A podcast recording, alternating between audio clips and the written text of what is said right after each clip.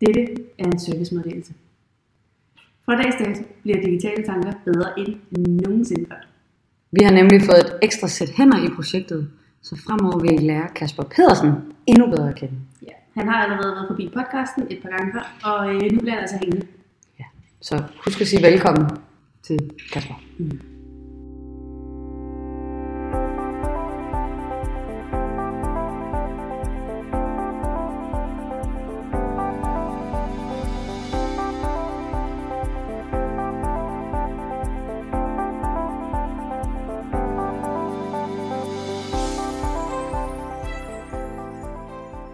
Hedder Lita Lønge Clausen, og jeg er neuromarketingstrateg i min egen virksomhed, hvilket betyder, at jeg ved meget om hjernen, og jeg ved meget om markedsføring, og så kan jeg lave en fed kobling mellem de to.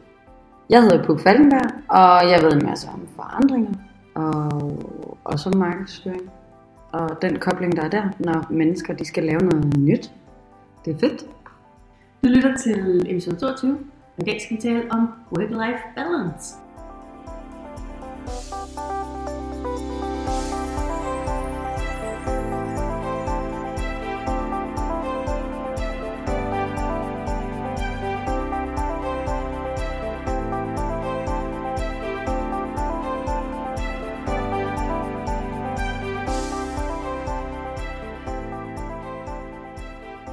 Men først, Alinta, så skal vi vel lige runde siden sidst, tænker jeg. Øh, jeg kan tage det meget hurtigt. Mm-hmm. Øh, jeg har drukket kaffe, og kaffe, og kaffe. Øh, og så har jeg været til Kom 17 Fedt. og holdt oplæg. Så det, der har bare været rigtig meget kaffe i min kanal. Ja, På den fede måde. dejligt. Mm. Øh, jeg har haft tandpine. Det var ikke så dejligt. Nej, Vel ikke i to uger. Næsten. Det er faktisk i går, stoppede jeg med at spise smertestillende. Det er sgu dumt. Ja, Eller godt planlagt, det lige var i går, du stoppede, nu vi skal optage i dag. Men altså, ja, ja. ja. Jamen, jeg er sådan ved at være normal i hovedet igen. Det er sådan... Det er faktisk det, jeg har lavet. Jeg har ikke lavet andet end det, og så arbejde det, jeg kunne, og så ellers... Altså nu vil jeg så sige, nu sidder vi jo øh, hjemme hos dig. Ja, Og øh, sidst jeg var her på, det er ikke så lang tid siden, der var øh, dit kontor mere et flyttelokale. Ja. Og nu er det da noget eller et kontor. ja det var fordi, at i, i fredags havde jeg en, der skulle overnatte her. Så Så har du lavet andet end bil? Jamen, det er rigtigt. Jeg har, også, jeg har faktisk også løbet det halvmarathon med tandpine. Det er Ja. måske også en bedrift i sig selv, men Ja. ja. Men øh, tandpinen har overskygget alt andet, vil jeg sige. Ja. Heldigvis så har jeg fundet en ny tandlæge i København, som hjælper mig med problemet. Det, Det, Tak- tak til det en københavnske tandlæge-. Det er den tandlæge, ikke skal. ja, lige præcis. Det er godt, at vi også har sådan nogle tandlæger i København.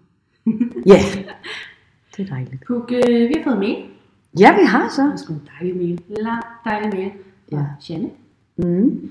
Øh, hun skrev øh, i forbindelse med vores episode om blogging, og øh, hun havde en virkelig fed historie om, øh, hvordan hun havde brugt vores episode i forhold til sin A-kasse, Ja. som du nu vil fortælle.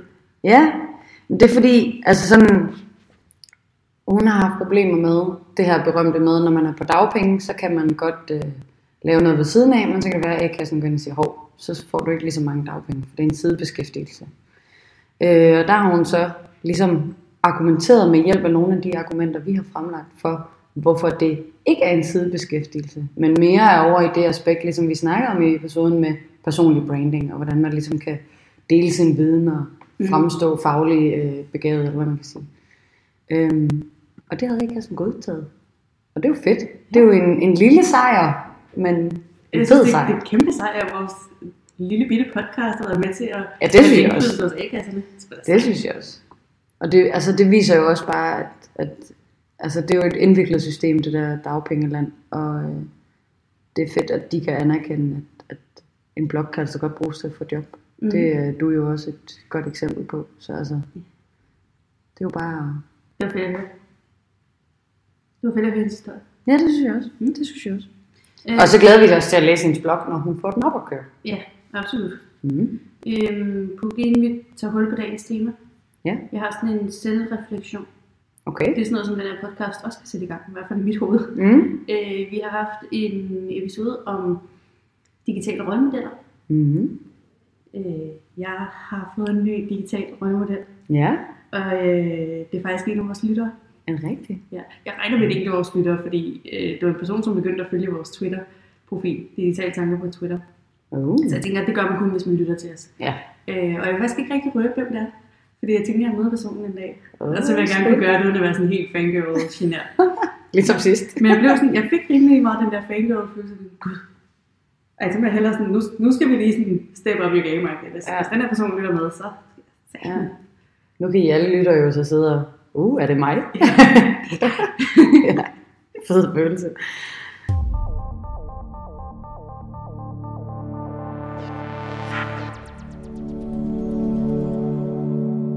Mm. øhm, dagens tema, work-life balance. Ja. Øh, det var min geniale idé, og øh, jeg vil med det samme sige, at jeg har dumpet. Du er dumpet. Ja. For det første, så øh, det, jeg føler mig inde på dit område lige nu. Ja. Jeg er ikke super skarp på work-life balance. Jeg forstår det noget med at have balance mellem sit arbejde og sit privatliv, og det øh, ved jeg bare godt, at jeg ikke rigtig har. Så jeg er dumpet på forhånd, og, øh, og det er okay. Så kan du være med lov, og så er jeg øh, forsøgskaninen. Ja. Øh, jeg har til gengæld fundet en undersøgelse. Mm. Så det bliver faktisk lidt mig, der øh, kører det her som et interview Ja. på os begge to. Det bliver Det spændende. bliver meget meta og meget underligt. Det bliver værst måske. Øhm, så ja, nogle gode øh, resultater for det her studie har jeg ud, og så tænker jeg, så tager vi bare Mm. trin og trin lidt. Kommer med vores input på det. Vores værktøjer, vores løsninger. Lad os da gøre det. Jeg kunne virkelig godt tænke mig, at du starter med en intro af Work-Life Balance. Ja, altså jeg vil starte med at sige, at, og det her det kommer vi tilbage til løbende, det er jeg næsten 100% sikker på, eller så siger jeg det til sidst. Øh, jeg tror ikke, du er dumpet. Og så kan vi lige lade den hænge som cliffhanger Wow. til til sidst. Ja. Ja. Jeg bliver Øh, til sidst. Det kan jeg godt se nu. Men det handler, altså work-life balance handler jo for mange om, at der skal være en eller anden form for balance, og hvis man forestiller sig sådan en vægtskål, så har du et liv på den ene side, og du har et arbejde på den anden side. Mm. Og det er der, hvor at, at man snakker om, at man skal føle, der er en ligevægt. Øh, for nogen handler den ligevægt om at møde på arbejde kl. 9 og gå kl. 4, og for andre handler ligevægten om noget helt andet. Men det handler om ligesom at have tid til det i ens liv, altså ens private liv, som man gerne vil, samtidig med at man har øh, sit arbejdsliv. Og det er sådan måske også allerede lidt fortolket af, hvordan mit syn på work-life balance er.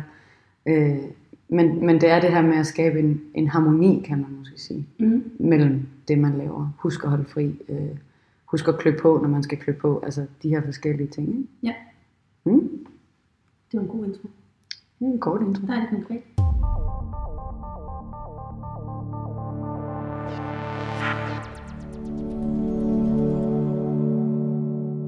Jamen lad os klippe på. Ja, Mit jeg glæder mig. spørgsmål til dig, Puk, er, øh, nu tænker jeg, at du lige byder af først, og så kan jeg jo altid komme mit besøg. Okay. Ja. Puk, hvordan vurderer du alt i alt balancen mellem dit arbejdsliv og dit privatliv, som det er lige nu? Øh, godt spørgsmål. Og øh, hvis man er fast lytter, vil man jo også kunne bemærke, at vi har diskuteret noget af det her sådan lidt før med arbejdstid og tokkel og Vi har videre, lige, så vi lige snittet overfladen af det. Nu, Ja, lige nu præcis. går vi øh, ned i det. Og øh, altså, jeg er blevet bedre til det, vil sige. Jeg har faktisk altid været enormt dårlig til at holde fri, sådan rigtigt. Både som selvstændig og som...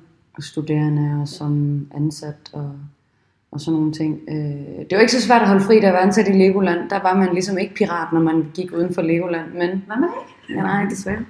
Øh, men ellers så, altså, de der vidensstillinger, hvor det er ens viden, der kører rundt og projekter og sådan noget. Mm. Der synes jeg, at nogle gange det har været svært at holde fri. Men det har også været båret af, at jeg faktisk ikke har haft lyst til at holde fri. Altså jeg har faktisk gerne vil arbejde mere og ekstra. Øh, nu er jeg blevet bedre til at prioritere det og faktisk både gå offline, men også sige, på lørdag skal jeg noget andet. Vaske bil, whatever. I, i, i søndags vaskede bil, for eksempel. Mm. Så er det sådan noget, hvor du nærmest bookede dig selv til at holde fri. Ja, lige præcis. Og det er også, altså... Jeg har det faktisk fint med at book, min, netop booke min kalender og sige, her, der holder du fri. Mm. Fordi at hvis min kalender ser tom ud, så begynder jeg at tænke, "Nå, men så kan jeg da bare lige arbejde. Men i stedet for, så skal jeg booke det med gode oplevelser. Mm. Det kan man. Ja, altså jeg tror, at min balance er ikke... øh, Min balance er for mig rigtig god lige nu. Mm. Og jeg værner om, at den ikke skal ødelægges. Ja, jeg sidder og tænker, jeg, kan faktisk, jeg ved faktisk ikke, om jeg skal sige, om en er god eller dårlig. Mm. Jeg, Har du Mm. det skidt? nej, jeg, jeg sidder mere og tænker, jeg, jeg tror bare ikke rigtigt, den er der. Altså, balancen. Øhm, det Det er ikke sådan, at jeg går hjem klokken 5, og så laver jeg ikke noget fagligt mere. Mm. Øh, og igen, jeg har jo både fuldtid og min egen virksomhed, så øh, dermed også mange arbejdstimer. Men Mm. jeg, jeg føler ikke, at jeg mangler mere, altså en, Jo. en tydeligere opdeling af, nu arbejder jeg, nu har jeg fri. Fordi jeg kan lige så godt sidde og lave noget fagligt, når jeg er fri, fordi det er lige så Mm. meget min ved, ja, faglige interesse, øh, nysgerrighed. 100 procent. Så ja, lidt den der kliché med, at ens arbejde er ens hobby. Ja, det er ikke så meget mere, som det var for et år siden måske, men, men jeg har ikke, ja. Jeg sidder og tænker, at man skal have den der opdeling. Det øh, synes jeg ikke, man skal. Det er også et af de områder, jeg synes er svært ved work-life balance som emne, det der med, jamen, er der en rigtig måde? Det er der jo ikke. Mm-mm. Men, men man får sådan en, men bør jeg så have en bedre opdeling? Eller jeg bliver Ja. sådan lidt i tvivl om, hvordan tingene bør være. Skal jeg holde fri, bare fordi folk siger, at jeg skal holde fri? Mm. Altså, hvad hvis Ja. jeg ikke synes, jeg har lyst til det? Hvis nu man er restløs og utilpas, når man holder fri, skal man så, altså ikke fordi man aldrig skal holde fri, men Nej, nej, det- skal man så bare stadig sætte sig, tvinge sig til at sidde der i sofaen og bare holde fri, holde fri, holde fri, og sådan en. Ja. Ja. Lige præcis. Hvordan øh, tror du, det står til i det danske land? Jeg kan lige afsløre, at det er lederne, der har lavet den her undersøgelse. Mm. Det er 100% danske tal, Ja. hvilket jeg synes var fedt undersøgelse. Øhm, Når man spørger folk, synes de så, der er fed balance mellem deres arbejde og privatliv? Altså nu er jeg jo på det her gode arbejdsløst kursus ved KRIFA, og de har jo også lavet sådan en undersøgelse. Det er jo netop sådan noget, jeg at blive, blive Mm. uddannet i. Om tallene er det samme, det er jo så et godt spørgsmål. Mm. Jeg har bonusinfo til, når du kommer med. Oh. Ja. Er det sådan en procentsats, jeg skal gætte? Ja. Okay. Ja. Lidt over halvdelen, tror jeg, synes, der er et balance. Det er meget lidt over halvdelen. Det er 51 procent, der Uh. er tilfredse eller meget tilfredse.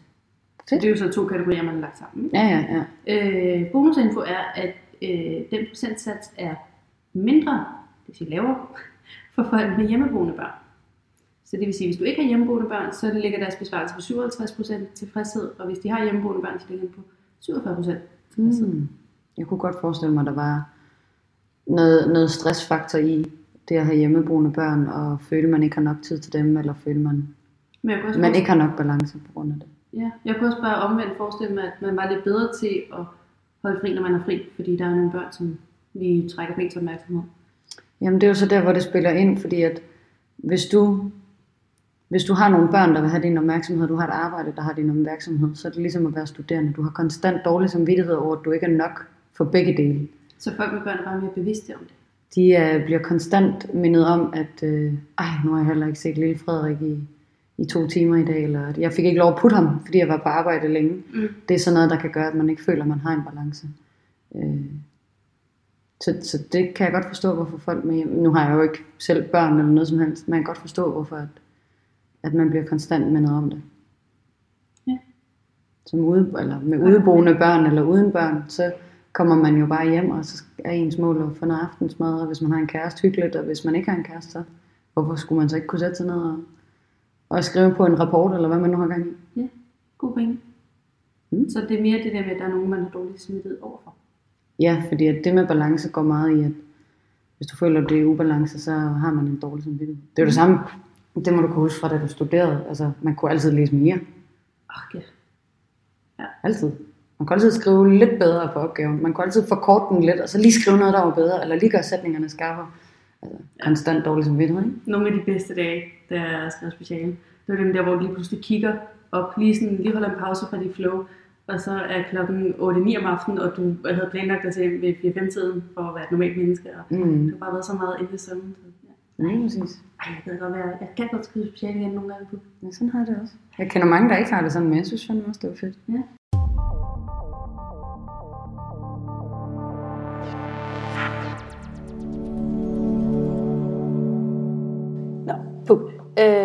Kunne du overveje at skifte job? Og nu siger jeg skifte job. Jeg kunne lige så godt sige skifte fra at være selvstændig til at være ansat et sted. Men kunne du overveje at skifte job med formålet at få en bedre balance? Nej. Nej. Interessant.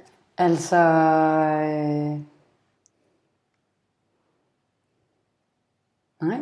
Jo, jamen, det er faktisk lidt tri- tricky, men det er fordi, som selvstændig har jeg jo selv enormt stor indflydelse på min balance. Så jeg tror ikke, jeg får en bedre balance af at blive fastansat. Men du har heller ikke nogen leder, som siger, du ved, som sætter nogle rammer, og nogle medarbejdere, som laver en kultur, som hedder, vi går hjem klokken 6 om eftermiddagen. Senest. Nej, og til gengæld så kan jeg give mig selv konstant dårlig samvittighed, ligesom at være studerende, for jeg kan hele tiden gøre noget mere. Øh, men jeg vil ikke... Der er mange årsager til, at jeg vil skifte. Men jeg tror ikke, balance er en af dem. Fordi jeg, det kommer vi også tilbage til, når jeg kommer med min cliffhanger pointe. Øh, jeg tror ikke, jeg vil skifte for balancens skyld. Okay. Det skulle mere være, fordi jeg er al- alene. Altså mm. mangler et team. Teamets skyld vil jeg skifte. Ja. Øhm, jeg vil heller ikke skifte. Mm. Øh, og det er faktisk lidt fordi i mit baghoved, der ligger der sådan en historie om en arbejdsplads, hvor jeg ved, at man, øh, sådan kulturen ligger meget op til, at man ikke arbejder sent. Mm. Så det er nærmest, øh, ikke sådan noget shamebashing, men altså, det bliver påpeget, hvis du arbejder sent på den ikke positive måde. ja. Øhm, og det tror jeg vil have det lidt træls med. Altså ja. hvis man hele tiden skulle høre for, at man blev hængende til klokken 8 om aftenen. Mm. Et par gange om ugen. Øh, Ja. Det synes jeg er en frihed, der er fed at have. Ja, og prøv at se hende derovre, hun sidder bare stadig og arbejder. Ja. Og også det der, hvis det lige bliver sagt til dig hver gang, at sådan, hun snukker hjemme, og sådan, på den der dårlige samvittighed måde. Øh, det er fint nok at sige det fra tid til anden. Men hvis jeg skulle høre på det hver dag, så ville jeg faktisk blive lidt træt. Ja. Fordi, og så ville jeg ende med at tage hjem og blive ved med at sidde og arbejde, når jeg egentlig hellere vil blive på kontoret og sidde og arbejde. Ja.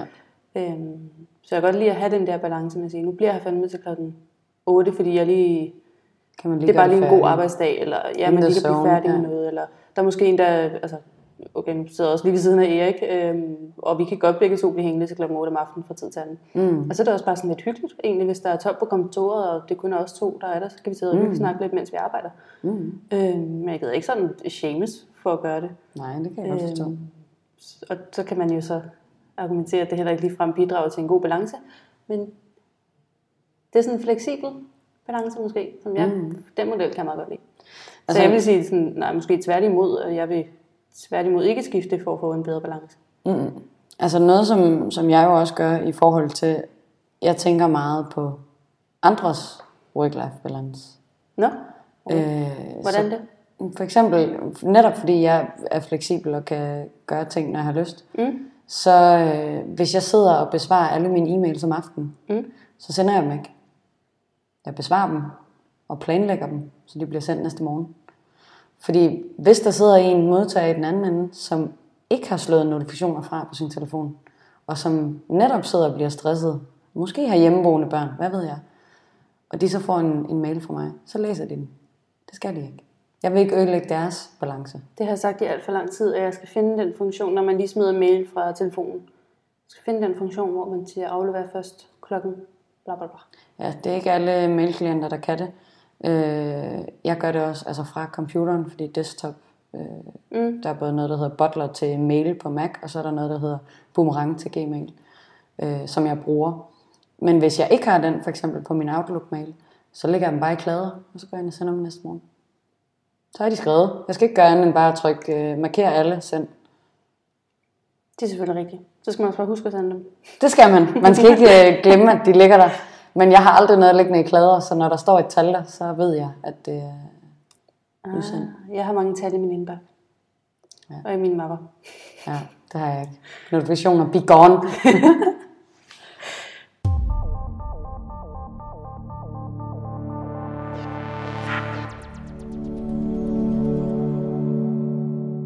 Men Puk, hvordan ser det ud i det danske land? Hvor mange overvejer at skifte job for at få en bedre balance? Balance. Åh, oh, det hedder med mit svært spørgsmål. Det er fandme et godt spørgsmål. Tak. Spørgsmålet er jo i virkeligheden, ja, om, om det er naivt at tro, at man kan få en bedre balance et nyt sted.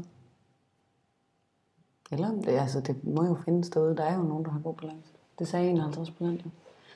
Øh, det tror jeg, der er flere, der kan. Er det en procentsats også? Ja, det kan det godt være. Du får... Tror jeg alligevel en tredjedel, de overvejer. Omkring 30 procent. Det er sagt godt skudt. Man skulle tro, du havde læst den her rapport. Det har jeg det er som om, du snyder. 32 procent. Oh! Ja. Shit, man. Det må være det kursus, jeg går på. Ja, det, det virker tydeligvis. 58 procent siger nej. Ja. 10 ved ikke. ja. Så jeg kan godt det- forstå, at der er 10 procent, der siger, ved ikke. Ja, det passer næsten det der med, at 51 procent er tilfredse, Og så hvis man lægger det sammen, så er det 42 procent, som Ikke, ikke ved eller ikke vil skifte job. Ja. Ja, det giver meget god mening. Det er det ikke. Fedt. Det står der ikke så galt til. Nej, det synes jeg heller ikke. Over halvdelen er tilfredse med deres balance, og Vil ikke kun skifte? 30 procent, en tredje, okay, en tredjedel er faktisk meget, men, Ja. men skift, overvejer skift. Altså, vi kan jo så lige... Øh, her ville det passe meget godt lige at tage fat i den undersøgelse, som Krifa har lavet. De laver sådan en god arbejdsløst indeks, Mm. hvor at de fremhæver nogle faktorer, som giver god arbejdsløst. Og der er balance faktisk ikke en af de faktorer, der spiller mest ind for en god arbejdsløst. Øh, for eksempel ledelse ligger som faktor over balance. Hvad ligger øverst, kan du huske det? Giver mening. Hvis det Kan giver du, mening, Ja, det der med why, ja, som jeg også var inde på. Ja. Hvis det giver mening, så, øh, så er balancen ikke ligegyldigt, men hvad hedder det? Din, din livsglæde og din arbejdsløst øges ikke med lige så mange, jeg ved ikke om det hedder hak eller procentpoint eller hvad fanden det hedder. Den øges ikke lige så kraftigt, Nej. når din balance opfyldes, som hvis mening opfyldes. Men det giver selvfølgelig også meget god mening, fordi hvis der er mening med det, du laver, så har du heller ikke lige så meget behov for en stærk balance. Nej, Fordi en klar stille linje. Ja, præcis. Fordi jeg tænker, så er du lidt mere øh, øh, tilbøjelig til at sige, det skulle okay, jeg lige arbejder kvarters tid her i aften. Fordi Mm. jeg gør Og meget mere, forskel. meget mere engageret i sin sag. Ja. Og hvis man så også samtidig har en god ledelse, ja. så øh, Ledelse kommer vi ind på. ja, fedt, senere. det glæder mig til. Ja, det glæder mig til, du glæder dig til.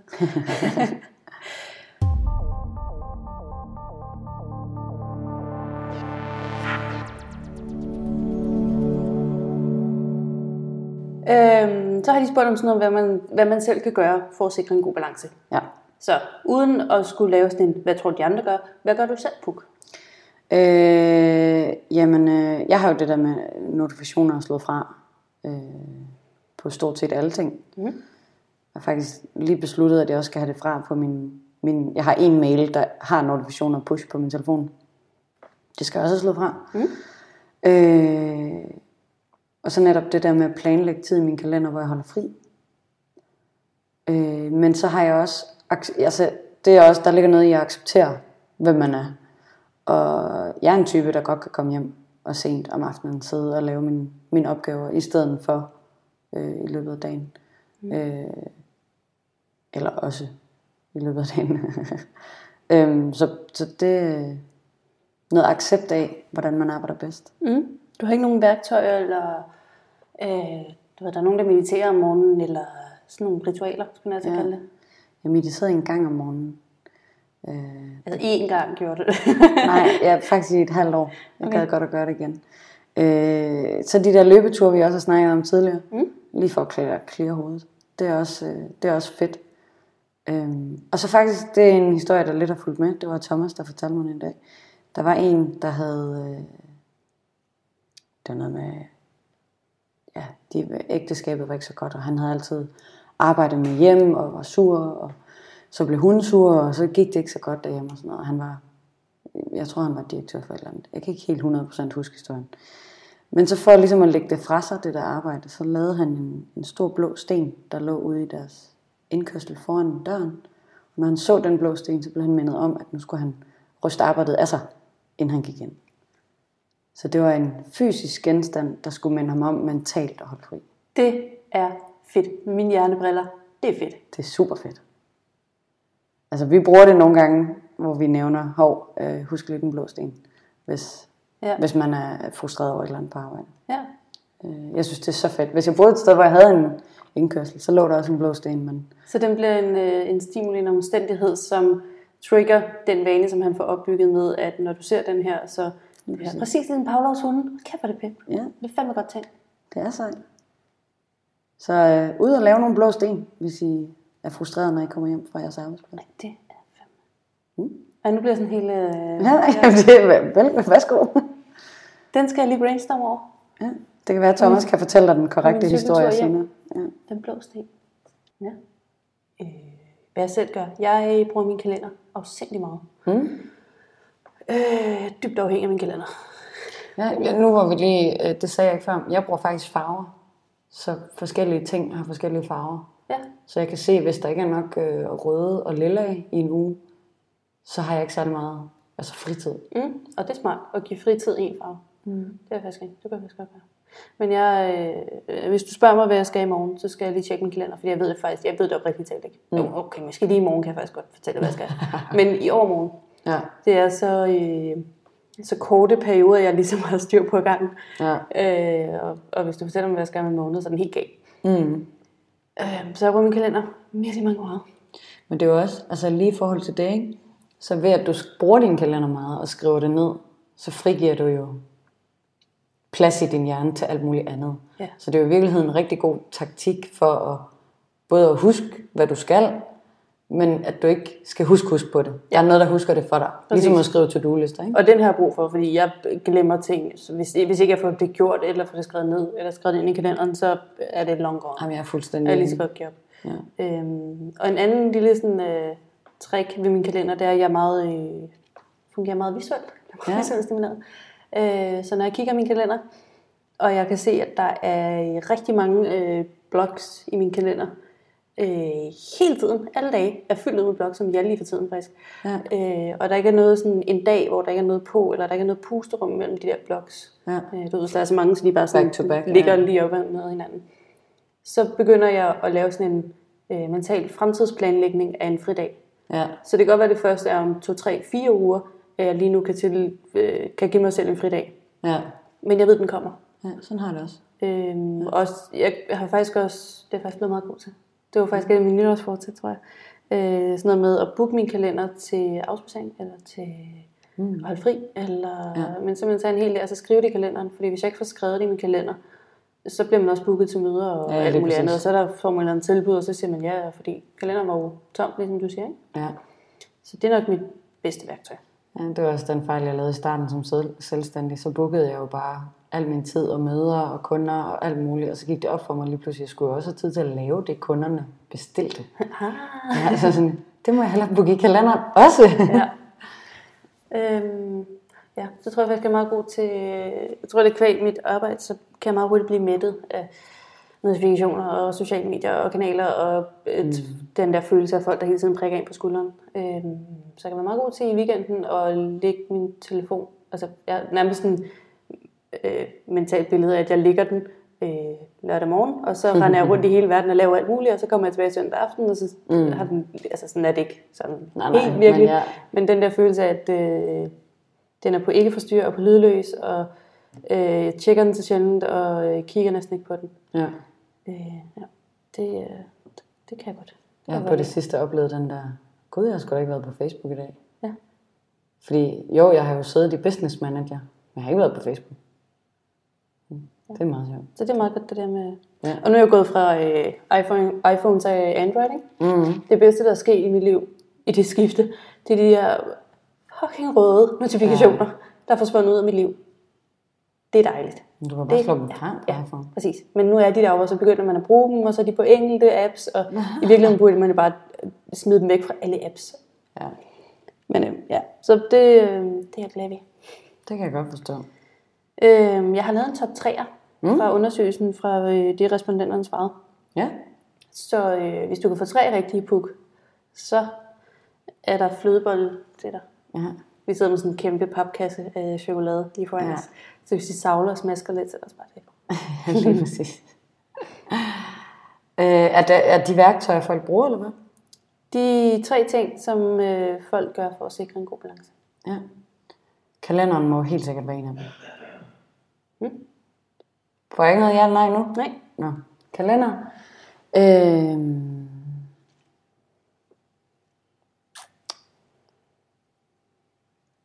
Jeg har så er lyst noget til... chokolade, mens du sidder Jamen, gør du det? Ja. Okay, altså kalender, den er eddermame vigtig. Det tror jeg også, folk de bruger. Til gengæld er der også nogen, der er bange for stram kalenderstyring, men det tror jeg ikke... Øh... Ja. Motion kunne jeg også godt forestille mig var en. Der er med mange, der løber halvmarathon og marathons for tiden. Øh, sådan en epidemi. Jeg er selv smittet, åbenbart. Øh, det var to. Og faktisk en lille indskud, mens du øh, så mm. videre. Nu er det sidste, ja det er faktisk fem uger nu, 6 uge nu. Øhm, jeg begyndte at øh, træne om morgenen, Mm. klokken 6 om morgenen. Øh, og inden jeg startede, der var jeg sådan lidt, hold nu kæft, jeg har brug for at sove den time. Ja. Og ved du hvad, det har man ikke. Man får meget mere energi af at stå op en time tidligere og træne. Fordi, som Nana, som jeg træner med, sagde, du, bruger, du laver alligevel ikke en skid den time. Du ligger og sover. Mm. Det har du ret i. Så jeg har faktisk fået mere energi af at stå en time tidligere op. Fuldstændig, og så er du også mere både fysisk og mentalt træt, så når du går i seng, sover du også bedre. Og bare bedre tilpas generelt. Ja. Så det er faktisk mod forventning. Ja. Virkelig god idé, jeg fik der. ja. Kalender, motion. Fuck, hvad den sidste? Nå, nu, ja, nu skal jeg ikke sige noget. Jeg. Jo, jeg kan sige, at du har en rigtig, og jeg er helt sikker på, at du kan måske gætte den anden, der er på listen, men du gætter ikke den tredje. Okay.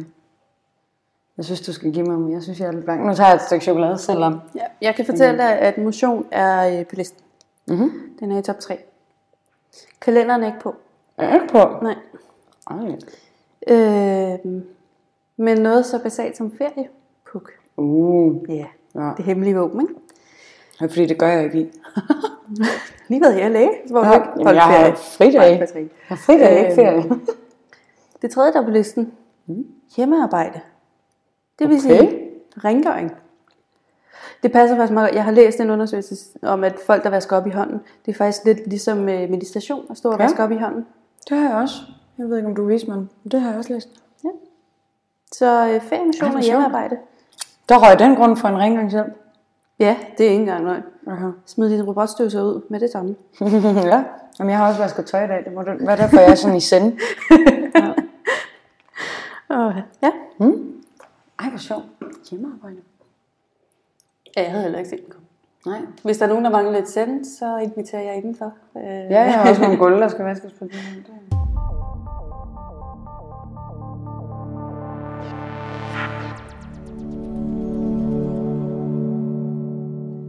Puk, øhm, nu læser jeg lige op, fordi det er et meget langt spørgsmål. Mm-hmm. Det er meget indstuderet. Øhm, hvor stor betydning havde hensynet til balancen mellem arbejdsliv og privatliv i dine overvejelser om ansættelse i dit nuværende job? Så det vil sige, mm-hmm. da du fortidspuk sad og sagde, nu skal jeg være selvstændig, mm-hmm. hvor meget overvejede du så, eller hvor stor betydning havde dit hensyn til work-life balance i den beslutning?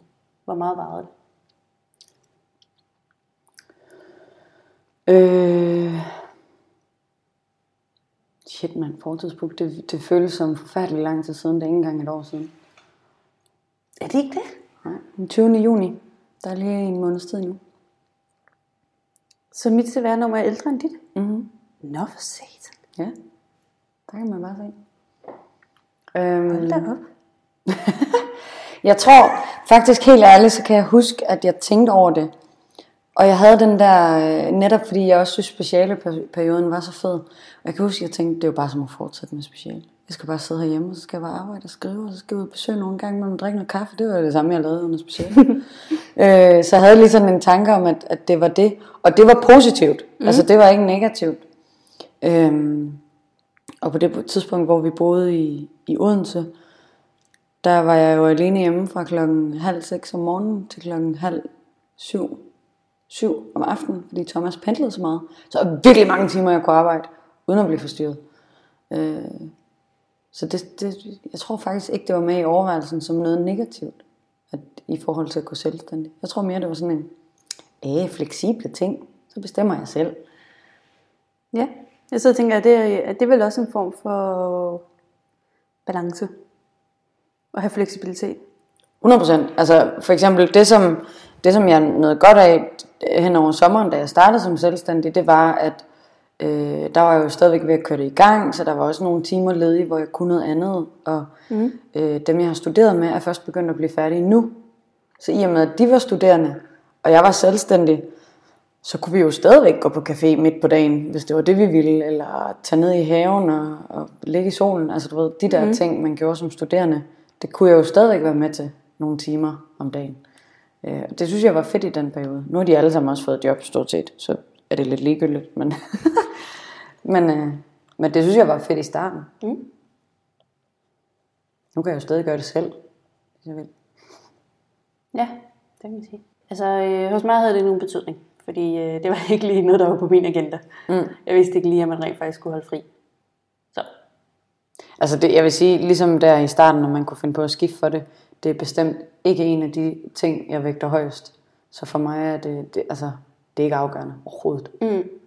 Jeg kan stadig huske, ja, nu når jeg sidder og kigger tilbage på fortids Anita, øh, som brugte øh, aftentimer og weekender og var på 24-7 og virkelig bare har, har jordet de der øh, kommentarfelter igennem og virkelig været tilgængelig hele tiden for vores community. Og sådan, nu kan være sådan et slap nu af. Mm. Uh, på. Det er også okay, hvis du holder weekend. Det er altså øh, også så jeg kan godt se, at der er sket noget, siden jeg startede. Ja. Men øh, jeg har ikke fået et større behov for øh, sådan opdeling af arbejde og privatliv. Nej. Altså det er også noget, man lærer, fordi i starten, der sad jeg også over det der kommentarfelt hele tiden. Mm. Men øh, jo mere du lærer communityet at kende, jo bedre ved du også, hvordan du skal servicere dem. Øh, og jeg har fundet ud af, at jo mere menneskelig jeg er, jo mere accepterer de også, at jeg ikke har svaret i nogle dage. Hvis det skulle være sådan, at jeg ikke svarer, fordi at nu er det jo... Øh, hvis jeg for eksempel, da jeg var i Las Vegas, der svarede jeg jo, mens det var nat for folk. Altså, mm. det var de jo ikke. det, det var en lille smule underligt. Hvorfor skriver du klokken 4 om natten? Det er fordi, jeg sidder i Las Vegas. Øhm, og, og der skal man sgu bare nogle gange slå koldt vand i blodet, når man er... Altså, Ja. prøv der, der sker ikke noget ved, du venter med at svare til i morgen tidlig. Det gik virkelig op for mig, da man fik fun- funktionen i øh, Messenger.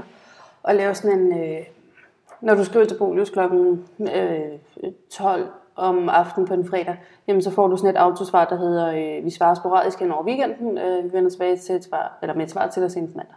Mm. Øhm, og da jeg satte den op, og øh, folk så svarede på det autosvar, og skrev sådan, ej, men det er da helt fint, og det skal I slet ikke tænke på, og tak Ja. fordi I gider svare. Sådan. Da man fik pos- positiv feedback på et svar om, at man ikke gav dem et svar lige nu, så var sådan et, "Nå, okay, så kan jeg sgu godt holde weekend og fyraften med god samvittighed. Ja. Altså, de forventer faktisk ikke et svar med det samme. Mm-mm. Jeg har Men også de er til gengæld glade for den der ved, du får et svar. Bare ikke nu. Du får det.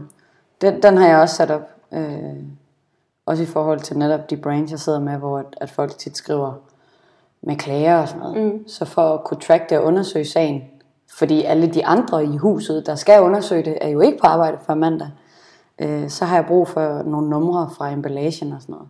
Så der har jeg også sat sådan en autosvar på med, hej, hvis det er det, er det den og den type henvendelse, så, skal, så må du meget gerne tage billeder af emballage, fordi at det hjælper, når vi skal undersøge sagen.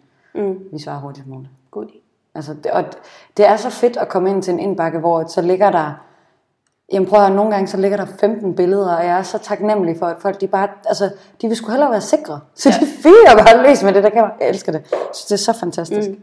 Men det er også hurtigere service for dem, ikke? i stedet for, de skriver, og så venter de tre dage på et svar, og så får de et svar, hvor de alligevel skal tage et billede, og så skal de først hjem og tage et billede. Mm, så, du ved, det er en længere proces, i stedet for hvis det bare er sådan up front, vi skal bruge et billede, før vi kan hjælpe dig. Ja, ja, lige præcis. Og når, så får de også et svar. Nogle af dem sidder måske og har haft en rigtig dårlig oplevelse og er mega sure. Mm. Og så får de med det samme en upfront. Prøv at, hvis jeg skal kunne hjælpe dig, og det skal gå hurtigt, så tager du lige nogle billeder. Og så er folk bare, for satan, det er en god idé. Skal du mig tage billeder? Ja. Jeg, jeg kan ikke huske hvem, og jeg kan ikke huske hvilken setting, men jeg kan bare huske, når en der sagde noget til mig engang med, øh, at, at det gælder for rigtig mange jobs, at verden går ikke i stå, hvis du ikke udfører dit arbejde lige nu. Hvis du venter til mandag, Ja. så er der ikke nogen, der lægger mærke til det. Mm. Og det var bare sådan lidt, øh, i hvert fald unge Anita, som arbejder 24 timer i døgnet, og bare virkelig gerne vil gøre det godt, ikke? Ja. øh, og gøre en forskel, og øh, ja, alle de der ting. Det var bare sådan en, ja, det er sgu ret i. Hvis jeg holder weekend, så er der ikke nogen, der lægger mærke til det. Ja, jeg, jeg har faktisk også netop lige fået den bare i sådan et, et helt, helt karikeret, hvor hun sagde sådan, nogle gange, når hun havde rigtig travlt, og der ikke var balance faktisk i hendes mm. liv, og skulle hun lave den her opgave nu, her klokken halv tolv om natten, øh, så spurgte hun sig selv, er der nogen, der dør af, at jeg ikke gør det? Mm. Nej, det er der ikke. Men super, så går jeg i seng. Ja. Altså, det er fuldstændig. Ja, men nogle gange er det er nogen, meget der dør. rart at have det der rationelle, ja. virkelig rationelle øh, opstilling. Ja. Og lige sådan slå koldt vand i blodet, fordi det er også ofte en, der... Ej, nu lyder også ligesom om, at man slet ikke skal have balance, det er bare noget pisse det hele. Men at, ja, lige, lige få lidt perspektiv lige op i helikopteren. Lige, Men det er også igen tilbage til det der med at acceptere, hvem man er og hvordan man er. Altså hvis man er sådan en, der panikker halv tolv om aftenen, fordi at man gerne vil gøre det bedre, så skal man også acceptere, okay, prøv at det er sådan, jeg er. Har jeg virkelig lyst til at bruge tiden på det nu? Er der nogen, der dør af det her? Eller vil det være rart at få ud af verden, inden jeg står op i morgen? Mm. Super, så gør jeg det, eller gør jeg det ikke? Og så acceptere det. Fordi at det der med at slå koldt vand i blodet og, og have is i maven, det kan man have noget så meget, men man får det ikke bedre, hvis ikke man accepterer situationen. Good point. Så det handler det også om. Ja.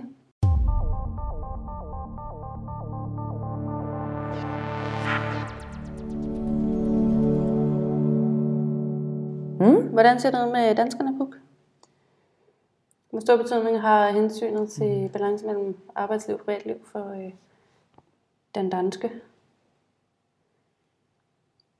Altså, når de overvejer at tage et job, ikke? Ja, ja. Øh, 40 procent. Der er aldersforskel her. Der er aldersforskel her. Okay. Det betyder mere for den ældre generation end den yngre. Aha. Nu får du resultat.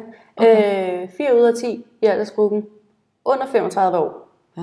og mellem 35 og 39 år lagde vægt på, at der var balance mellem arbejdsliv og privatliv i deres overvejelser om at tage det job. Okay, der blev ja. Det gælder kun hver fjerde i aldersgruppen 55-59 år, og hver femte på 60 år og derover. Okay. Det kan være, det er noget med det familie, der, der spiller ind igen. Så det vil sige, de yngre er faktisk mere opmærksomme på work-life balance end de ældre. Ja. Det har større betydning for dem. Kan jeg vide, om det også, nu nævnte vi min kære mor sidste gang. Jeg håber faktisk ikke, hun hørte med. Jeg hørte det igen, var sådan, det var ikke særlig pænt sagt. Nå, øhm, undskyld mor. Øhm, men hvor jeg nævnte det her med, at når hun tager hjem fra arbejde, så holder hun faktisk fri. Ja. Og det er sådan, vil hun faktisk gerne have tingene. er. Mm. Øhm,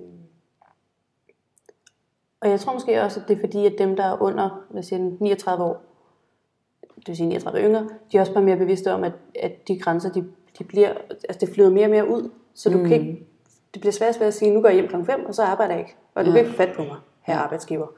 Øhm, og den opdeling er de ældre ikke vant til, så derfor så, så er de heller ikke, det, det er ikke så bevidst for dem. Altså, det er ikke Det noget, de du tager med i ja, ja. overvejelserne, fordi de holder jo fri, når de går hjem klokken 5.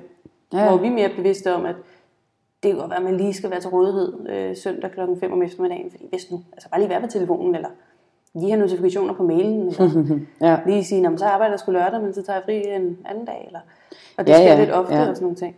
Men også helt sikkert det der med resultaterne for tidligere med øh, hjemmeboende børn. Ja. Der er større chance for, at du har hjemmeboende børn som 39-årige eller yngre end, mm. end 40 op, ikke? Ja. Nå, alligevel. Mm-hmm. Spændende. Ja. Mm-hmm.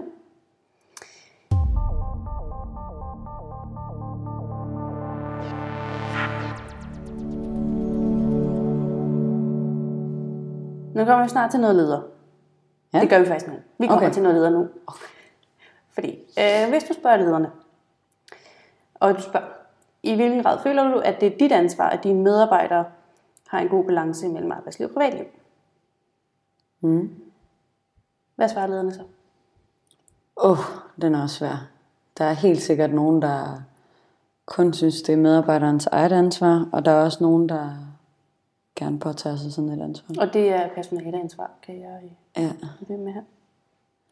Øh, Lad mig spørge på den her måde. Hvis nu øh, vi siger, at der er gået et år, og du har fået 10 ansatte, tillykke mm. med det, Puk. tak, tak. Er det, er det dit eller deres ansvar, at der er balance? Det er et delt ansvar. Det, Det var dejligt helgarderende. Jamen, det, jamen 100 procent, fordi at der er nogle mennesker, der ikke øh, selv kan se, hvornår det bliver for meget. De kan ikke selv, øh, de har måske ikke prøvet at være stresset eller presset før, øh, så de ved ikke, hvornår deres egen stopklods er. Indskydelse øh, til COM17, fordi meget på det, du siger lige nu. Ja. Øh, var der en eller anden, der holdt oplæg, og jeg kan ikke huske, øh, hvad, hvorfor, hvordan, igen, hvis Ja. jeg ikke skrev det ned. Ja. Øh, men der var en, der stod op i, på, øh, op og holdt oplæg og sagde, at han havde for mange medarbejdere, der arbejdede for mange timer. Mm. Jeg synes bare, det var en fed erkendelse fra en leder. Ja. At kunne stå foran hele branchen og sige, jeg har for mange øh, medarbejdere, der arbejder alt for meget. Og det kender jeg flere ledere, der har sagt, også øh, i forbindelse med mit speciale, da jeg interviewede forskellige. Øh, de sagde det også. Og der er faktisk, øh, altså jeg har mødt en leder, der, der vidste, at en af hans medarbejdere havde stress, og han var så frustreret over, at han ikke vidste, hvordan han skulle hjælpe hende. Mm. Altså det gik ham virkelig, virkelig på, også fordi han er sådan en people person. Det gik ham virkelig meget på. Øh, og på den måde, så er der jo også nogle steder, hvor at lederen kan bare ikke gøre mere. Altså, det, det er op til medarbejderen selv, og så bære den i mål. Men, men som leder har du også, det er også dig, der måske nogle gange skal sige til, prøv Anita, nu synes jeg, at det er blevet klokken 8 om aftenen lidt for meget, og weekenden også. Mm. Øh, hvad siger du til et eller andet? Skal vi flytte nogle opgaver? Skal vi et eller andet, ikke? For at skabe en bedre balance. Det vil typisk ikke virke sådan folk på ferie. Det er der sikkert nogen, der bare bliver frustreret over endnu mere restløs af, end hvad de er. Der kan også ligge noget andet til grund. Det kan være, at man slet ikke har lyst til at tage hjem. Det kan være, der er udu derhjemme. Der kan ligge mange ting til grund, hvor man som leder måske bør lige stikke fingeren ned og spørge, hvad foregår der? Men det er også en svær balance, ikke? fordi hvornår, 100 procent. øh, hvornår bliver det øh, none of your business? Ja. Altså hvis det er fordi, at der ikke er fedt at være derhjemme, skal du så presse ind, til du får den grund, at det svar, eller, og skal mm. du så presse mere? Eller, mm. Og det kommer også meget ind på forholdet mellem lederen og den ansatte arbejdspladsen generelt, tænker jeg. Fuldstændig. Og lederens, øh, hvad det man kalder den, EQ, Emotional Intelligence, Det kan du godt blive med. Ja. øh, det kommer også an på, hvor god en netop people person man er, og hvordan man er god til at læse andre, og hvor godt man kender folk. For hvis man kender, nu har jeg kendt dig længe, jeg ville jo sikkert godt kunne mærke, hvis vi arbejdede sammen hver dag, og jeg var din leder, hvis du ændrede adfærd, Det tror jeg også, kunne. og finde ud af hvorfor, ikke? Mm. Hvor at, at hvis man er en leder, og det er også derfor, at det er så øh, hvad hedder det, svært, når det er fjernledelse, hvis man sidder i den anden ende af landet, mm. og er chef for nogen, der sidder herovre i København eller omvendt Jylland. Det er svært, fordi man, man ikke er sammen og ikke kan læse kropssprog, man kan ikke læse. Eller hvis du har De der 40 ting. mennesker i din afdeling, tænker jeg, det skulle også fandme mange mennesker, du lige skal eller, føle lidt på, men ja. Ja, øh, lige tage øh, temperatur på hver dag. Ja, der er jo forskellige størrelser på teams, Mm. så det optimale er de to pizzaer. ja et time, to pizzaer. Ja, lige præcis. Hvis man spørger øh, de danske ledere, Mm-hmm. hvad siger de så? Er det lederens eller er det medarbejderens ansvar? Jeg tror, jeg tror, der er flest, der siger, at det er medarbejderens ansvar. Mere end 7 ud af 10 ledere med personalansvar. Ja. De mener, at det er i høj grad, eller meget høj grad, er deres ansvar, at medarbejderne har en god balance mellem arbejdsliv og privatliv. Ej, nogle dejlige empatiske ledere, der er der. De tager det meget på deres skuldre. Mere end 7 ud af 10. Det er fedt at høre. Det er mange. Jeg troede, verden stod dårligere til. 72 procent, ja. for at være helt præcis. Ej, hvor er det sejt. Ja. Nu skal det jo selvfølgelig heller ikke være noget, der går ud over lederens balance, kan man jo så bagefter sige. Ikke? Mm. De skal jo ikke øh, ende med at gå ned, fordi de har medarbejdere, der er ved at gå ned. Det bliver en ond ring, men, Men der er fedt, de tager ansvar. Ja, øh, fedt, at de er bevidste om, at det er deres ansvar. Jeg tror så, der er langt fra at i et spørgeskema kunne sige, ja, det er mit ansvar, til at praktisere det. Ja, Til at et, måske også have de evner, fordi jeg tror altså ikke, det er en helt let opgave. nej, det tror jeg heller ikke, det er. Og man kunne jo passende følge op med, hvilke initiativer øh, gør I, gør du, øh, hvad har du tidligere gjort? Sådan noget i den stil. Sjovt, du siger det. Det spørger de faktisk. Fordi det næste, jeg spurgte til, det var så igen til lederne. Øh, I hvilken grad forsøger du gennem din faktiske adfærd at vise, at det er vigtigt at prioritere balancen mellem arbejdsliv og privatliv? Mm. Så lidt som du siger, hvad gør I selv for at udvise, ja. at det er jeres ansvar? Eller Altså, at det er vigtigt at prioritere. Ikke Det er vigtigt at prioritere. Om det er Ja. vigtigt at prioritere. Øh, jeg har oplevet nogle ledere, der har været gode til at altså være den der form for rollemodel, der øh, gik, altså sagde, nu holder vi fri, nu går vi hjem. Mm. Jeg har også været et sted, hvor det var lederen, der havde nøglen, så hvis man ville være der efter lederen, så kunne man ikke, fordi så blev man låst inde med alarmen. Så det er sådan et sted, hvor jeg vil være sådan lidt, hvor hvad? Jamen, faktisk, det- det... er faktisk lidt bitter. Ja, Faktisk jamen, til gengæld var det heller ikke altid, altså du ved, det var ikke klokken tre, han gik, så det var jo fint nok. Øhm. Må jeg lige få spørgsmål igen? I hvilken grad? Så det er ikke, hvordan det er, hvor mange, I hvilken grad viser de hvor det? mange forsøger i hvert fald at vise gennem deres adfærd, at det er vigtigt at have den her balance. At prioritere balancen. Det var 7 ud af 10, der tog det. Var deres ansvar. 72 procent ja. mener, at det er vigtigt. Eller mener, at det er deres ansvar. Som leder. Og så tror jeg, at der sidder nogen derude, der har svært ved det, ligesom du sagde. Så det må være omkring nogle af 50 procent. Ej, jeg skulle ikke, være, jeg skulle ikke komme sådan ind på det. 53 procent af lederne Ja. de øh, vurderer faktisk, at, at deres adfærd i dagligdagen øh, viser, at det er vigtigt at prioritere den her balance. Ja. Så det er 20 procent, som siger, ja, det er vigtigt, men nej, jeg udviser det ved ikke. ikke, hvordan man gør det. Ja. Der er også interessant. fandme også mange måder at gøre det på. Det, øh, jeg vil våge den påstund, at, på, påstund, påstand, at det er meget individuelt fra medarbejder til medarbejder. Mm. Hvordan de har behov for at få det vist. Mm. Og fra leder til leder, hvordan, øh, hvordan de føler, de kan vise det. Mm. Ja, ja, ja. Hvor det går deres egen grænse. For Skulle, ja, for det skulle ikke undre mig, at der er nogle ledere, der også ser det lidt som en svaghed. Mm. Ja. Man må, ja, nogle ledere vil ikke vise sårbarhed. Ja. Men det er jo lidt noget af det, man skal... Det er lidt en omvendt verden, hvor vi skal bede vores medarbejdere om at øh, arbejde mindre i en eller anden forstand. ja. Så man holde fri. Ja.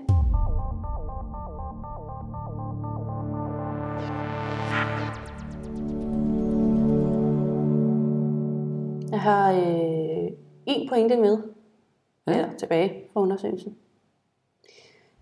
I hvilket omfang har din virksomhed efter din vurdering fokus på medarbejdernes herunder ledernes balance mellem arbejdsliv og familieliv?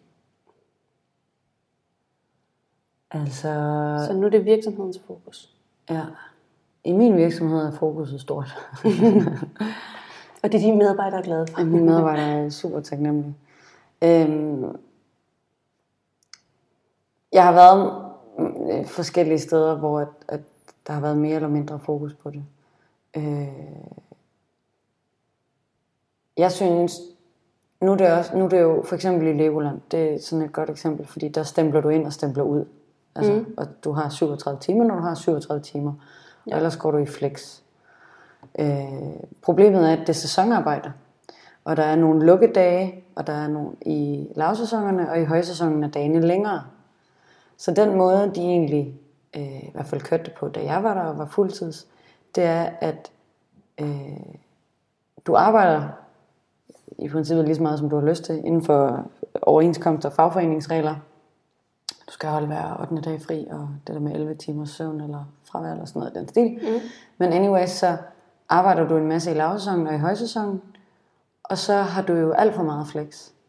Og så begynder du at få tidligere fri i løbet af, altså når vi når på den anden side af højsæsonen, sådan midt august til indtil de lukker i oktober, Mm. så begynder de at prioritere, hvem har virkelig givet en skalle, hvem har måske behov for at gå nu, mm. hvem er ved at køre død, fordi man må ikke køre død derude, altså du er meget på, for eksempel som pirat, øh, hele dagen, og på et tidspunkt så bliver man sgu træt af snotnæser og popcorn. Øh, så hvem har brug for en pause? Og så er de gode til at give dem fri, der har behov for det. Der vurderer de jo så, mm. hvem har meget flex, og hvem har behov for at gå hjem. Og hvis der ikke er nogen med meget flex, så spørger de bare om dem, de mener skal have fri. Så der synes jeg, at de var gode til at finde dem, der havde behov for det. Og dem, der så ikke havde behov for det, de fik jo bare udbetalt det som øh, ekstra løn, når sæsonen lukkede. Mm. Det, synes, altså, det er jo både meget stramme rammer i forhold til at stemple ind og stemple ud. Ja. Men jeg synes, det var en god måde at ligesom... Jeg havde fornemmelsen af, at de var gode til at sende folk hjem, når folk havde behov for det. Mm. Ja, altså i Bolio stempler vi jo ikke som sådan ind og ud. Mm. Øh, men vi, øh, som man gør på mange bureauer, øh, selvom vi ikke er brug, vi har jo vores øh, time tracking, så vi tager mm. tid på alt, hvad vi laver. Ja. Øhm, og det har vores, alle vores chefer adgang til. Så de kan til enhver tid gå ind og kigge på, hvor mange timer jeg har arbejdet den her uge og sidste uge, og mm. hvad jeg i øvrigt har brugt min tid på. Ja. Øh, ikke at de gør det, men de kan. ja. Øhm, og generelt er der meget fokus på det. Jeg har faktisk ikke de steder, hvor jeg har arbejdet på den måde, hvor man har skulle også både skrive timerne på, på de forskellige kunder på byråer. Så tror jeg aldrig, jeg har fået at vide, at jeg har arbejdet for meget. Men jeg tror heller ikke, altså der da jeg var på bureau, var jeg jo studentermedhjælper.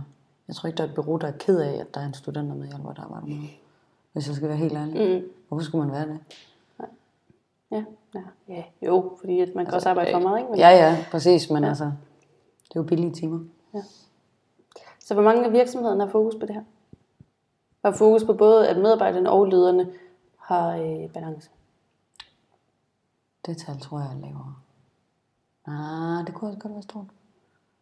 Jeg prøver at læse dit ansigt. Mm-hmm. Poker face. Øhm, jeg tror, der er enormt mange virksomheder, der har en intention om det. Men det er fandme ikke særlig mange, man ser det som en værdi, eller som en mission, eller som en vision, eller formål, eller whatever man nu nedfælder i et dokument, man aldrig læser igen. Hvor mange måler på det årligt? 30 procent. Hvor er du irriterende. Knap 3 ud af 10. Så det er Knap tre ud af lige 10. 30 procent. Okay. Nice. De skulle ikke mange, vel? Det synes jeg Altså, vi, vi startede virkelig godt med 72 procent ledere, der mente, det var deres ansvar, og så Ja. lige under 30 procent, der vurderer, at deres virksomhed rent faktisk har fokus på den her balance.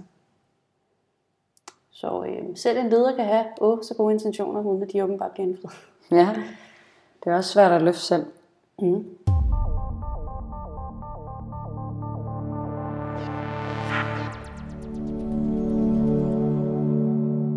Nå, Puk, jeg sidder og venter på din cliffhanger. Ja, jamen øhm, det er fordi, jeg brød mig ikke om hele det der work-life balance, den der balanceskål, jeg snakker om til at starte med, den der gammeldags vægt. Mm. Øh, fordi det symboliserer lidt, at der skal være lige meget begge dele. Og hvis du tæller dine timer på et døgn, så er der ikke lige meget begge dele. Altså når du trækker søvn fra, ikke? Altså, Men kunne man sådan rent symbolsk argumentere, at øh, øh, hvad den, øh, privatlivsskålen per default, der er lidt mere guld, når man har lavet den skål, så den er lidt tungere. det Så- kunne, øh, ja, ja, det, så kunne fordi man der godt skal argumentere for. ligge 50-50 procent af ens tid. Ja. Men kvalitet i stedet for kvantitet, ja, det kan, det kan man sagtens argumentere for. Det som, det som jeg vil argumentere for, det er, at man i stedet for skal se det som sådan work-life integration. Hvordan kan man integrere sit liv og sit arbejdsliv? Ikke at det skal flyde sammen. Det er ikke på den måde, men hvordan kan man få en sund balance? For eksempel nu, hvor at, øh, at øh, jeg ikke har nogen børn, jeg ikke har nogen intentioner om, øh, der skal børn lige forløbet, at jeg så kommer hjem fra arbejde, øh, bruger tid, spiser aftensmad, går tur med min hund, og så bagefter sætter mig og gør en præsentation færdig, eller arbejder på et eller andet. Mm. Det er jo, ligesom du også siger, det er jo en form for livsstil. Og jeg kan ikke se, hvorfor det skal være et problem nu. Og jeg kan ikke se, hvorfor det skal gøre mig ondt. Jeg kan ikke se, hvorfor det ikke er en balance. Må jeg lige lade Jones advokat? Mm. Det bliver en, et problem, hvis det er noget, som bliver så vant, så virksomheden ender med at forvente af dig. 100 procent. Helt sikkert. Og det bliver også et problem, hvis jeg forstyrrer andre. Netop derfor, jeg sagde det der med mail. Mm. Fordi hvis jeg kan sidde i min egen boble og finpudse et oplæg, som jeg måske er nervøs for til i morgen, det er fint. Det, det er bare at integrere det og leve med det. Mm. Men hvis jeg så også lige skal spørge dig, hov, er du også nervøs for i morgen? Har du styr på det? Har du styr på det? Og jeg går fuldstændig i panik og skriver 50 mails. Så er det for meget. Både for mig selv og for de andre. Jeg er aldrig nervøs for i morgen, Puk. Øhm, så, så på den måde, så jeg vil meget hellere tænke det som noget, der skal integreres, og man skal finde de rytmer, man vil have. Altså, det er også derfor, at øh, jeg kan fint lide den der 9-14, eller 9-16, øh, 17 tankegang, urmæssigt. Men hvis du er et ultimativt B-menneske, og du bare arbejder bedre senere på dagen, så synes jeg, du skal have lov til det. Altså, det, så synes jeg, vi skal finde en løsning på det i stedet for. At, at du skal pæses til at stå op, til at kunne, kunne arbejde tidligt. Mm.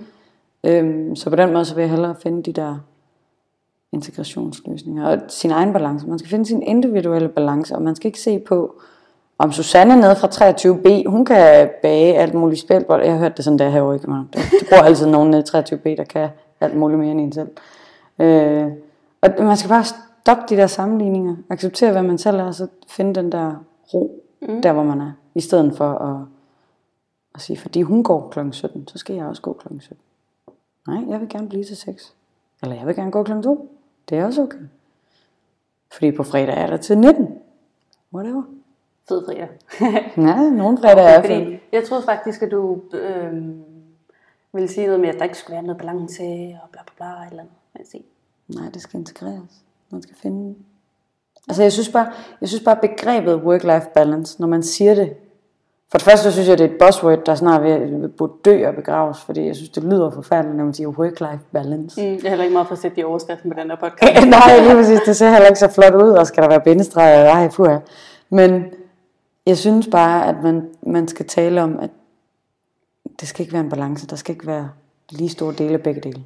Nu sidder de som, øhm, øh, igen Jones advokat med lederhat på, ikke? Mm. Bliver det ikke utroligt svært lige pludselig at finde ud af, om dine øh, medarbejdere overhovedet laver noget? Fordi de kan jo arbejde når som helst og hvor som helst, siger du.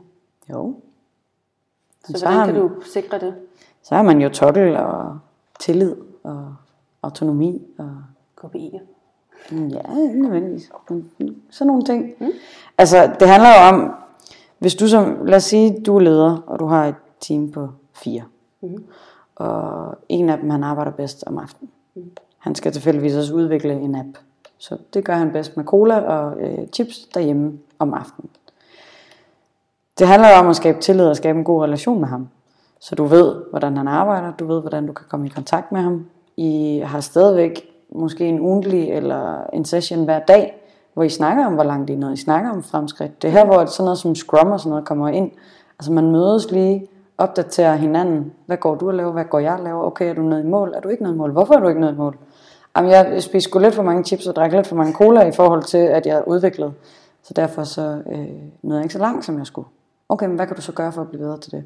Og så ligesom give ens medarbejdere redskaberne til at blive bedre til det. Jeg kan godt lide, at du helt ubevidst lige har givet mig sådan et klap på skulderen med, at jeg gør det rigtigt, nu er jeg jo blevet teamleder, og min student er rimelig large med, han er inde minimum en gang om ugen. Mm. Men hvis han har travlt, og han, har, han synes, at han bedre går over og skulle arbejde hjemmefra en dag, så gør han det. Mm.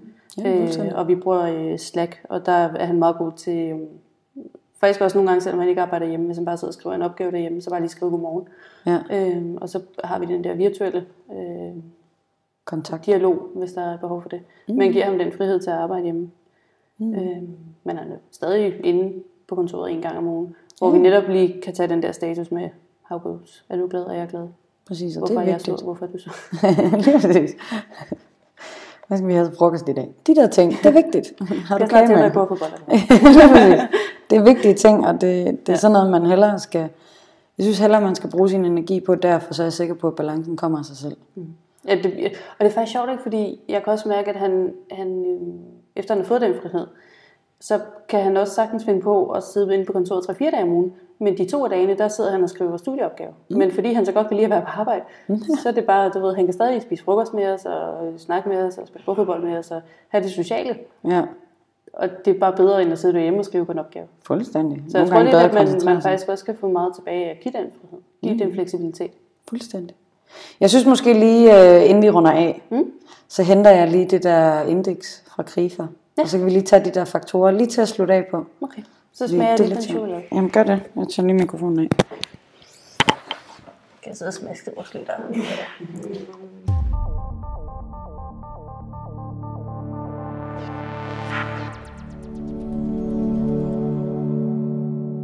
Øh, vi kan måske lige tilføje, at øh, chokoladen, vi spiser, det er Mark Herman Chocolate. Det er lækkert. Det er, øh, jamen det er faktisk det er en tidligere kunde og en af mine øh, bedste veninders ven, kammerat. Og han, øh, han er skide dygtig. Hold kæft, hvor er han dygtig. Og så er alt chokoladen, det er bæredygtigt. Og lækkert. Sig til, hvis I vil køre ud, skulle jeg lige til at sige. Jeg ved, hvor han, jeg ved, hvor han sælger det. Du ved, hvor han bor.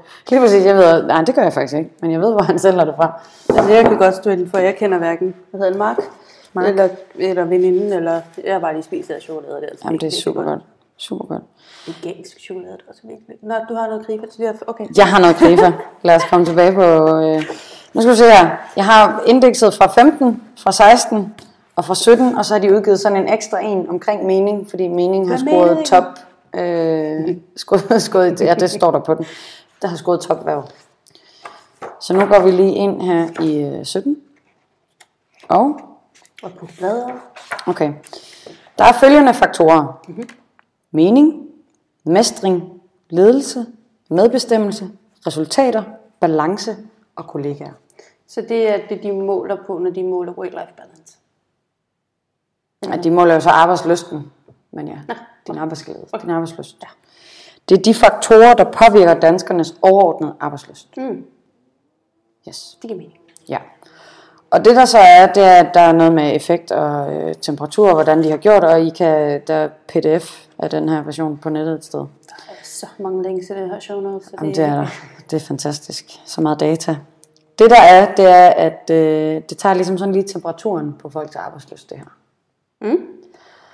Og effekten, den øverste, der giver ultimativt størst effekt på din arbejdsløst, og i sidste ende også din livslykke, Mm. det er Det var meningen. ikke så lidt livslykkelig. Jamen det er fordi, man har fundet ud af, at meget af din arbejdsløst, altså din arbejdsglæde, giver også input til din lykke, overordnet lykke, Aha. livsglæde.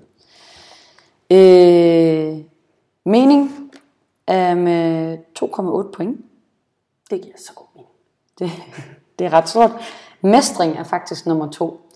Og øh, apropos det, så har det jo været lidt op at vende i nogle af de netværk, vi sidder i, i forhold til det der med mestring, at man som ung nyuddannet er sulten efter mere, man vil gerne have flere udfordringer, man vil gerne lære hurtigt, man vil gerne have en stejl læringskurve, for ligesom at mestre den faglighed, man har, har sat sig for, man gerne vil kunne. Mm. Så for mig giver det super god mening, at mestring ligger helt deroppe, øh, også når vi snakker i vores netværk. Det synes jeg virkelig er fedt også, at det, det kan mærkes, at folk bare vil have mere. Mm.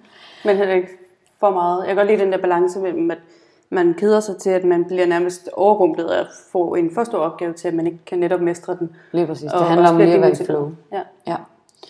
Øh, nummer tre, med en effekt på 1,9, så er det ledelse. Den ligger faktisk rigtig højt. Mm. Hvis man ikke har en, en god nok ledelse, så øh, har det stor effekt på, hvordan du har det på arbejde. Mm. Så kommer balance, mm. som vi har snakket om i dag, med 1,4 point. Så kommer medbestemmelse. Det er sjovt, den er for mig højere. Ja, Og det her det er jo også et generelt billede, ikke? Så det er jo generelt. Mm. Øh, men for mig ligger medbestemmelse højere end balance. Det er fedt at se den der opdel på øh, alder. Ja, det ved jeg faktisk ikke, om kommer senere i, i indekset. Det kan vi jo kigge. Øh, efter medbestemmelse, så kommer resultater med 0,8 point. Og allersidst kommer kollegaer. Wow, hvad? Det havde jeg faktisk ikke gættet. Nej, vel? At kollegaer ville ligge så langt nede. Jeg tror, at sociale fylder utrolig meget i ens øh, arbejde. Prøv at tænke på, at det er virkelig mange timer, du bruger sammen med de mennesker. Så hvis mm. du ikke kan lide dem, Ja. så er der godt nok mange timer af din dag, du bruger på mennesker, du ikke kan lide. Altså for, for mig lige nu fylder den jo rigtig meget, fordi jeg har ikke nogen kollegaer på den måde.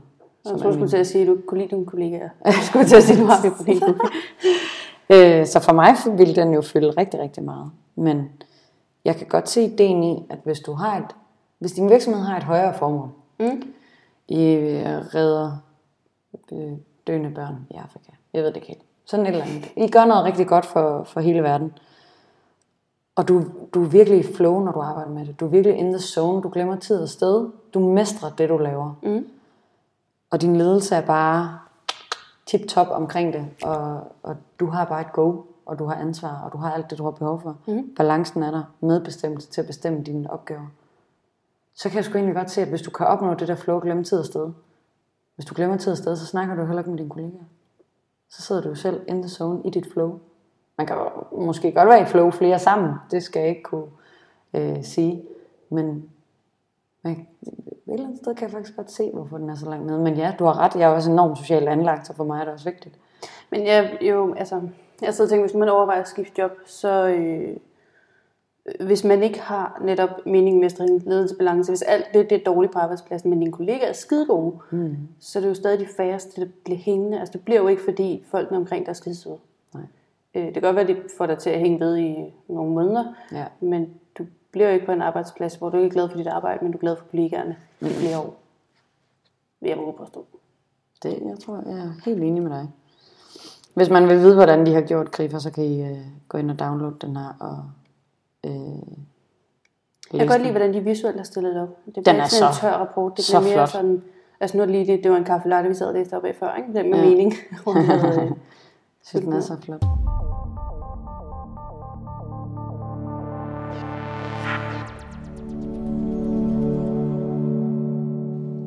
Jeg kan stadig mærke, at det ikke, jeg er ikke på hjemmebane. Mm. jeg kan ikke bidrage så med... Øh, jeg kan nok nærmere, jeg kan lære mere, end jeg kan bidrage. Jeg tror også, det vigtigste i forhold til balance og work-life balance, det er i virkeligheden bare at gøre sig selv nogle refleksioner om, hvordan vil en balance se ud for mig. Ja. Men det har været fedt egentlig, lige at, at sætte mig i, øh, i lærerstolen, og så Ja. øh, egentlig bare spillet bold op af dig. kan godt mærke, at, men det vidste jeg også på forhånd, at det her, det er Puks område, der står meget rundt på det her i min verden. Øh, Fedt. og som vi sagde inde i første podcast, Nu kan vi blive klogere. Det er lidt ligesom at hyre en konsulentteam. ikke? Nu har jeg lige haft Mm. en Teams konsulentteam med Puk. Ja. Teams coaching med Puk. ja. cool. Der er, jeg synes ikke, vi har brug for nogen opsummering. Nej, det synes jeg egentlig heller ikke. Men der er vældig mange show notes, og det er, altså jeg ved ikke, om der er mange, men dem, der er, er i hvert fald øh, Gode rapporter. virkelig gode rapporter. Altså, det er ikke øh, en artikel på 30 linjer. Mm. Det er faktisk nogle virkelig gode data. Altså, jeg glæder mig til at kigge i den lederne. Jeg har jo ikke kigget i den indtil nu. Nej. Så det, øh, Ja, det bliver min opgave synes, i den weekenden. er god og konkret. Ja. Nem at komme igennem. Jamen, så er der jo ikke mere at sige. Nej. Vi har øh, On that bombshell. været en bombshell. Vi er jo tilbage om 14 dage, som vi plejer. Og så pyt da. Ja. Og det her, det er jo, det er jo afsnit 22. Ja, Den store 22. der sker snart øh, noget på. Vi rammer snart 26, som vil sige, at vi har eksisteret i et år. Ja, Det er sejt. det er vildt. Det er et års fødselsdag. Ja. Og øh, vi tænker, der skal ske et eller andet. Ja. Vi har ikke helt besluttet, hvad endnu. Men gud vide, om det havde noget med vores lyttere at gøre. Ja, må ikke. Øh, altså, hvis jeg har nogle idéer, så altså, vi, vi kunne i hvert fald rigtig godt, hvis nu man har lyst til at sige tillykke, eller sådan, Ja. så kunne man jo lige på sin telefon lige optage en lydbid og sende til os. Altså, så kunne Ja. man lige komme med i podcasten. ikke? Ja. Det, det vil vi altså blive rigtig glade for. Ja, og man, det er okay bare at råbe tillykke. Ja, Altså, man behøver ikke at tilkendegive sig som sådan, hvis man er lidt genert. nej. Ja, og så, ja, det skal fejres i hvert fald. Ja, Så det må vi lige... Og ved du, det gode er, at det er i starten af juli, ikke? Fordi ja. der, er vi begge to, der har vi begge to lige været til eksamen, og det har Kasper også. Der Ja. har vi alle tre lige været til eksamen. ja. Så er faktisk mange ting at fejre. Ja, det er der faktisk. Det bliver et festfyrkeri af et afsnit. Ja, det kan godt, men der skal vi lige, der skal lige noget brainstorming over. Det skal altså være stort der på Det skal det. et år. Et år. Ja. Og indtil da, så lyttes vi jo bare ved, som vi plejer, i de næste kommende afsnit. Mm. Og hver 14. dag. Og øh, vi har lavet sådan et øh, velkomstflow i vores nyhedsbrev, så hvis du ikke allerede signer op, så gør det. Det er lidt af en oplevelse. Det er godt. Det er faktisk en rejse, synes jeg, vi har Ja. fået bygget. Jamen, det er det. Og jeg har, jeg har lige fået at vide, at vi skal ind og kigge på tallene, så vi også kan se, om folk faktisk gider læse det. Jeg synes selv, det virker godt. Så umiddelbart synes jeg, at alle skal melde sig til og det læse synes det. jeg også. Hele nok. Øh, men det er jo godt, at tallene siger noget andet. Øh, og ellers sender os jeres feedback, som Ja. plejer. Ja. I øvrigt så er vi stadig godt. imod øh, øh, forslag til emner. Ja, det lukker vi aldrig noget for. Nej. Det var vist det. Ja. Adieu. Adieu.